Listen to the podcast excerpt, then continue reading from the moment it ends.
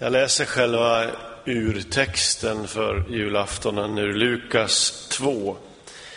Och jag ska läsa de 20 första verserna och ur den texten så ska både Ingmar Tessin och jag stanna inför tre, tre ord eller tre reaktioner på det som händer.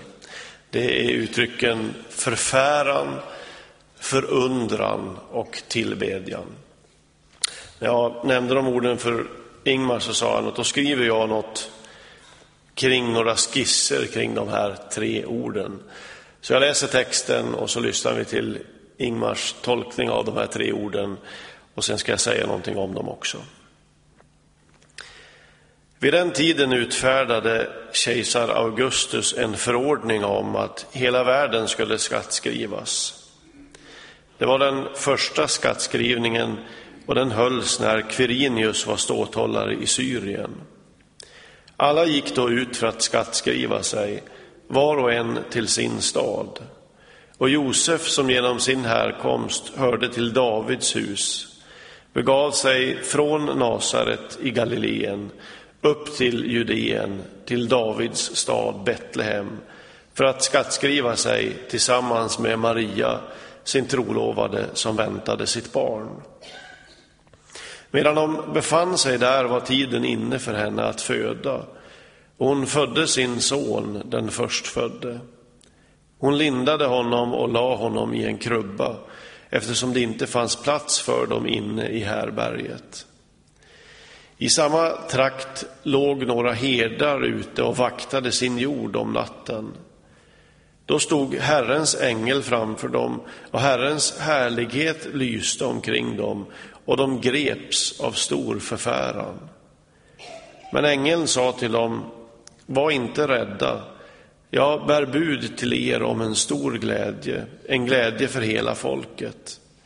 Idag har en frälsare fötts åt er i Davids stad.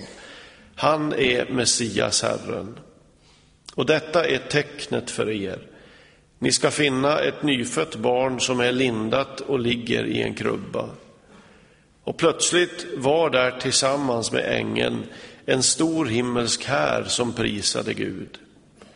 Ära i höjden åt Gud och fred på jorden åt dem som han har utvalt.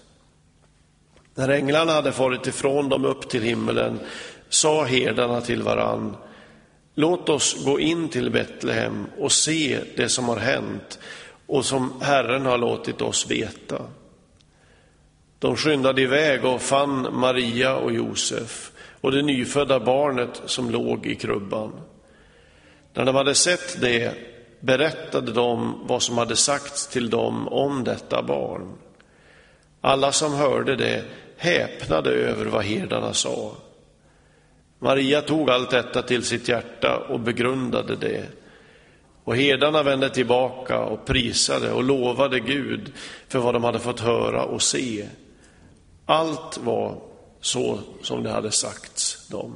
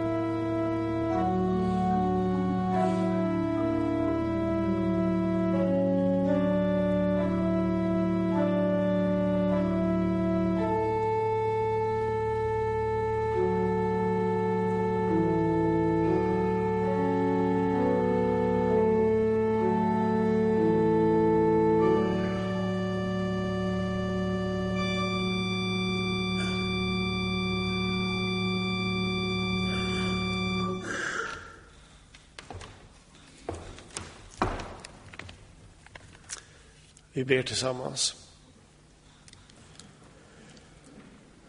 Jesus Kristus, så vill vi också böja oss denna julafton ner vid, inför ditt ansikte. Du som blev ett litet barn som föddes in i den här världen, men som också är allhärskaren, en evig fader.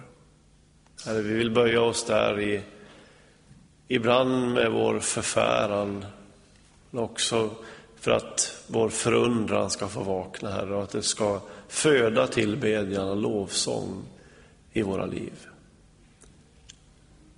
Herre, jag ber för alla dem som den här dagen lider av stor ensamhet. Jag ber för alla dem, Herre, som, som lever långt bort från det välordnade samhälle som vi delar. I vår egen stad, men också ut över hela världen. Jag ber att ljus skulle bryta in i deras liv. I Jesu namn. Amen.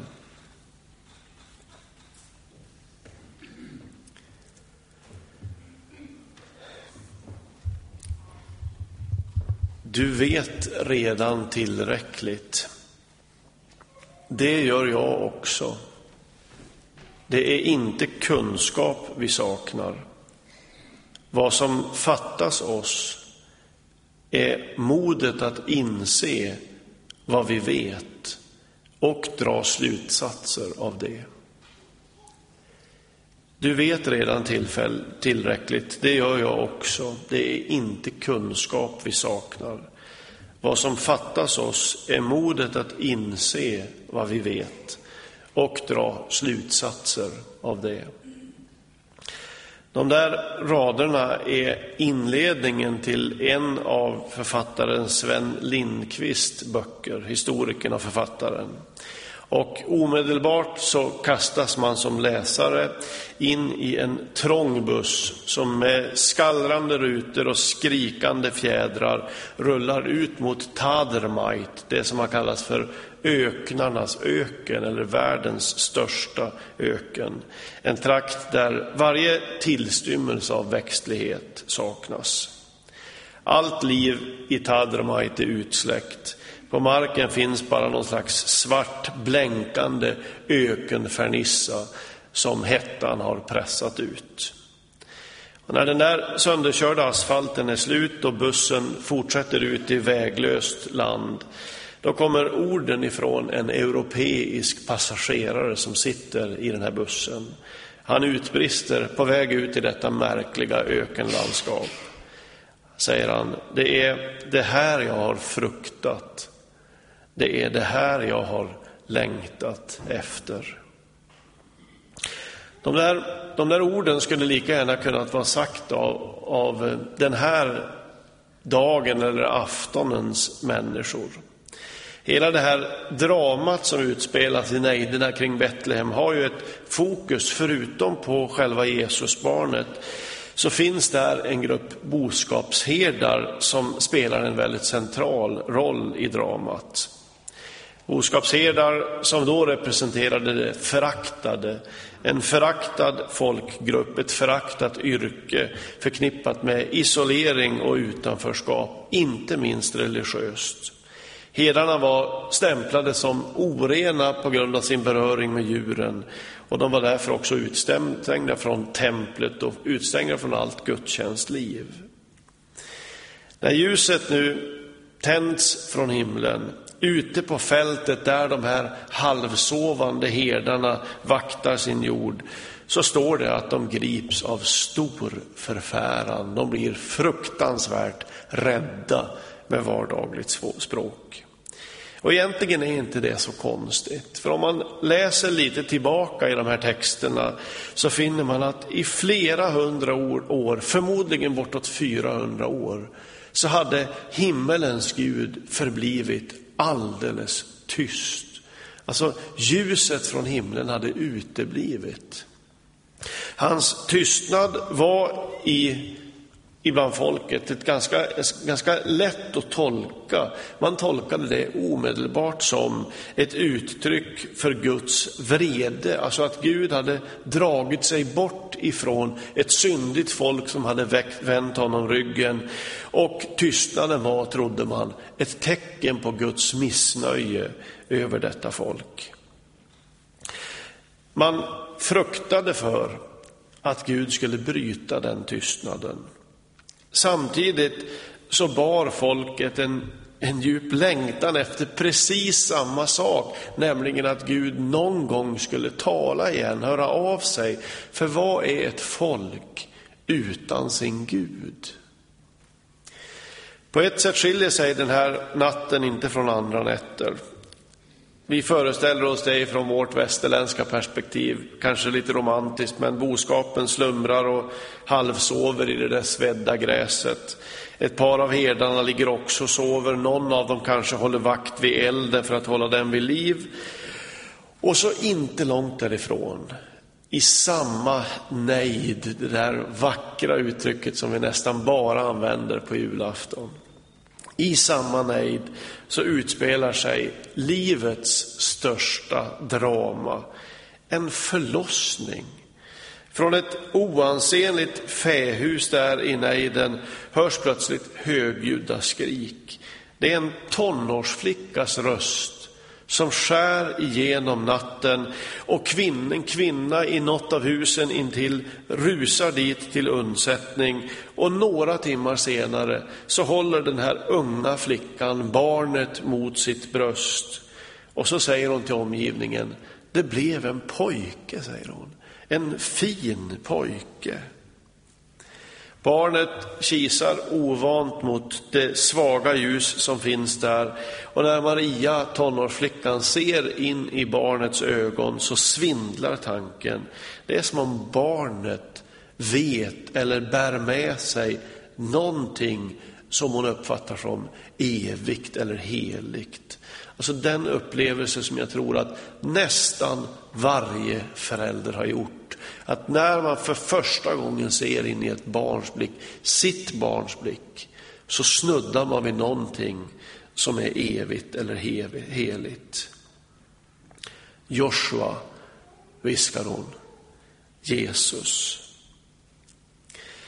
Ifrån en annan värld sänds i det där ögonblicket en ängel ut med budskapet om att detta barn, denna Jesus, är den efterlängtade Messias. Och när, när det ska meddelas, då går himlen av någon anledning förbi alla sådana här självutnämnda ägare till evangeliet. Alla de som gör anspråk på kunskapen om Gud. Himlen går förbi dem allihop. Och så anförtros detta budskap de mest föraktade och utstötta. Det är inte konstigt att ängeln möts vid sitt besök på jorden av förfäran. Men det står att ängeln tränger sig igenom deras fruktan och så säger han de där fantastiska orden. Idag har en frälsare fötts åt er.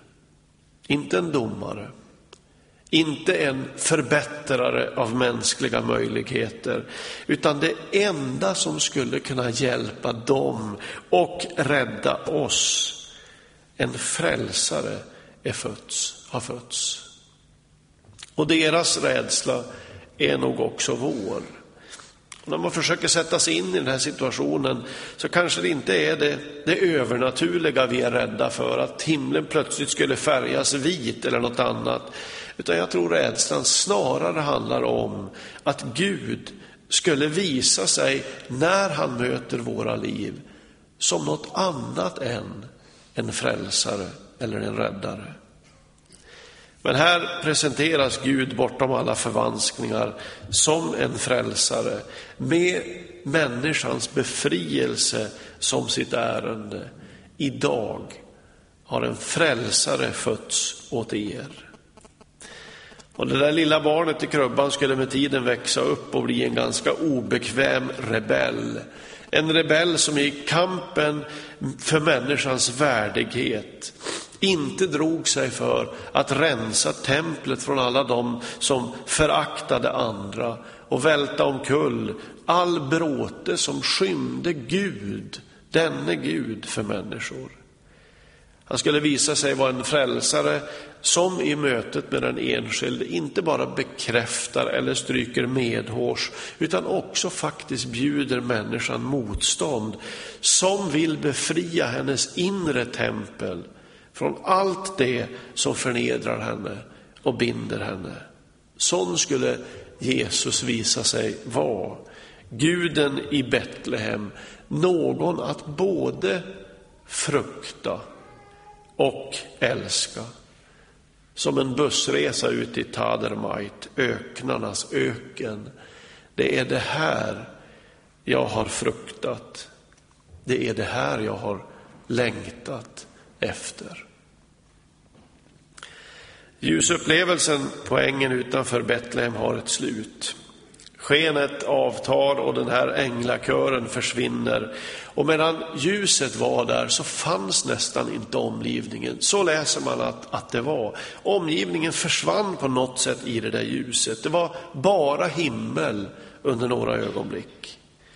Men nu upptäcker herdarna igen när de kisar det här starka ljuset ur sina ögon, så upptäcker de plötsligt varandra igen och finner sina kamrater, de som var där också innan. Och de vänder sig om till varandra för att, för att få höra eller, eller kommentera. Och så upptäcker de tydligen att det finns ingenting att säga. Ingenting. De är förundrade, detta fantastiska ord.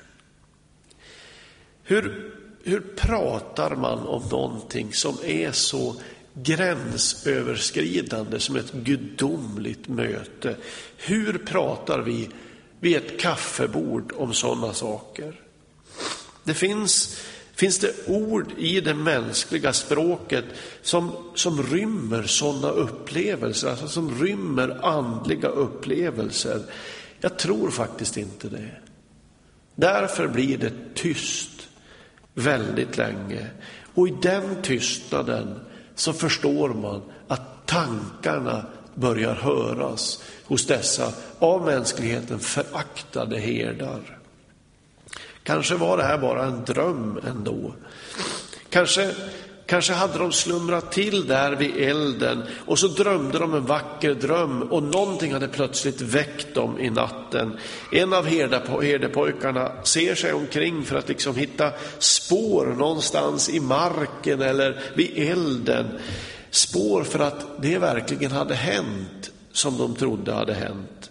Men allting är precis som förut. Den där torra, smuliga jorden, Fåren som fortfarande går där och halvslumrar i det svedda gräset, de knotiga träden som avtecknar sig mot den mörka himlen. Allting är precis som förut. Så föreställer jag mig att en av dem plötsligt sätter sig upp. Det är som om man plötsligt har hittat någonting eller, eller upptäckt någonting. Och så ser han att allting är inte precis som förut. Någonting har de kvar också när ljuset har skingrats. Och det är orden ifrån ängeln. Ängelns ord finns kvar inom dem. Orden som säger, idag har en frälsare fötts åt er i Davids stad. Han är Messias, Herren. Och innebörden av de där orden träffar honom och han vänder sig om till de andra och jag tycker man kan spåra just den där hänförelsen som förundran kan locka fram i oss när han säger till dem, låt oss gå till Betlehem för att se det som där har hänt och som Herren har låtit oss veta. Låt oss gå. Och så upptäcker de att det inte är särskilt långt till Betlehem. Och kanske kan man säga att efter den där märkliga natten så är det aldrig långt till Betlehem. Betlehem eller själva födelsen för för frälsning, för gudomlig räddning, den är alltid liksom i grannskapet, det är alltid i samma nejd.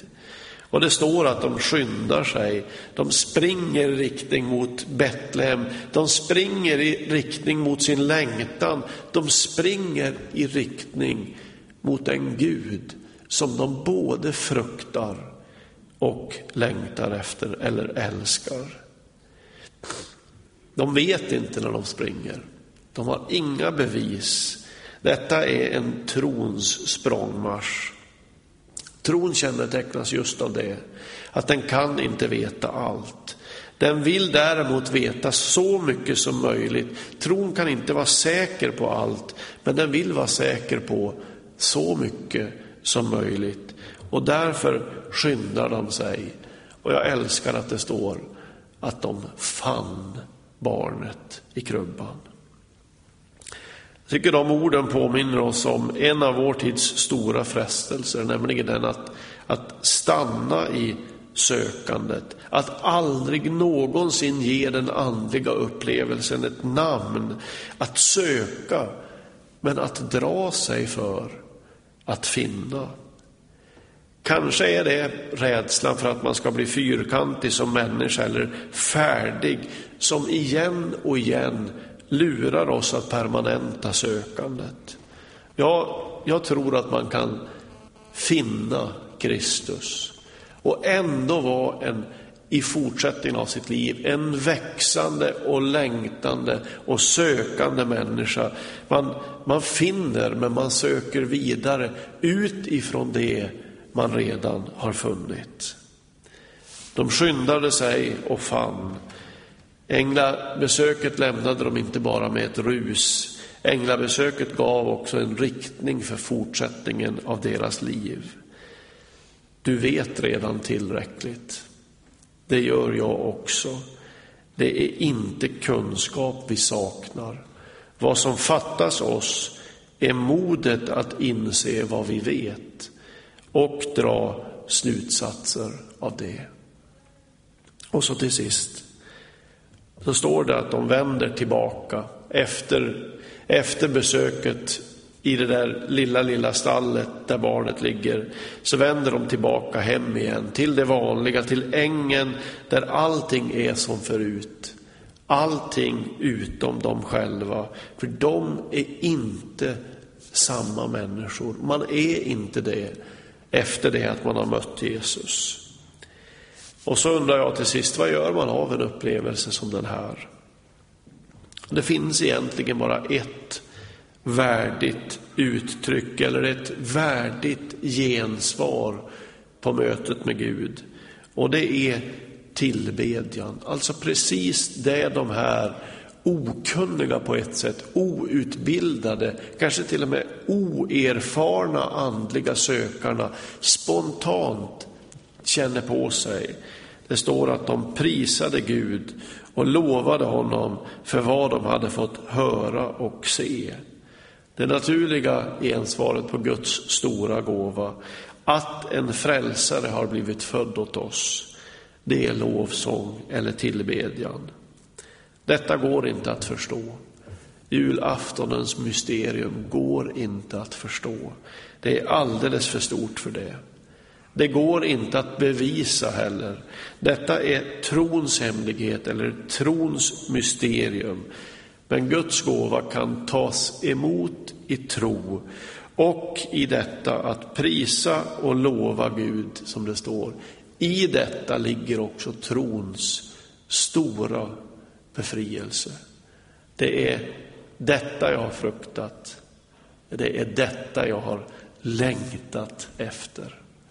Låt oss be. Herre, än en gång tackar vi dig för att du kom.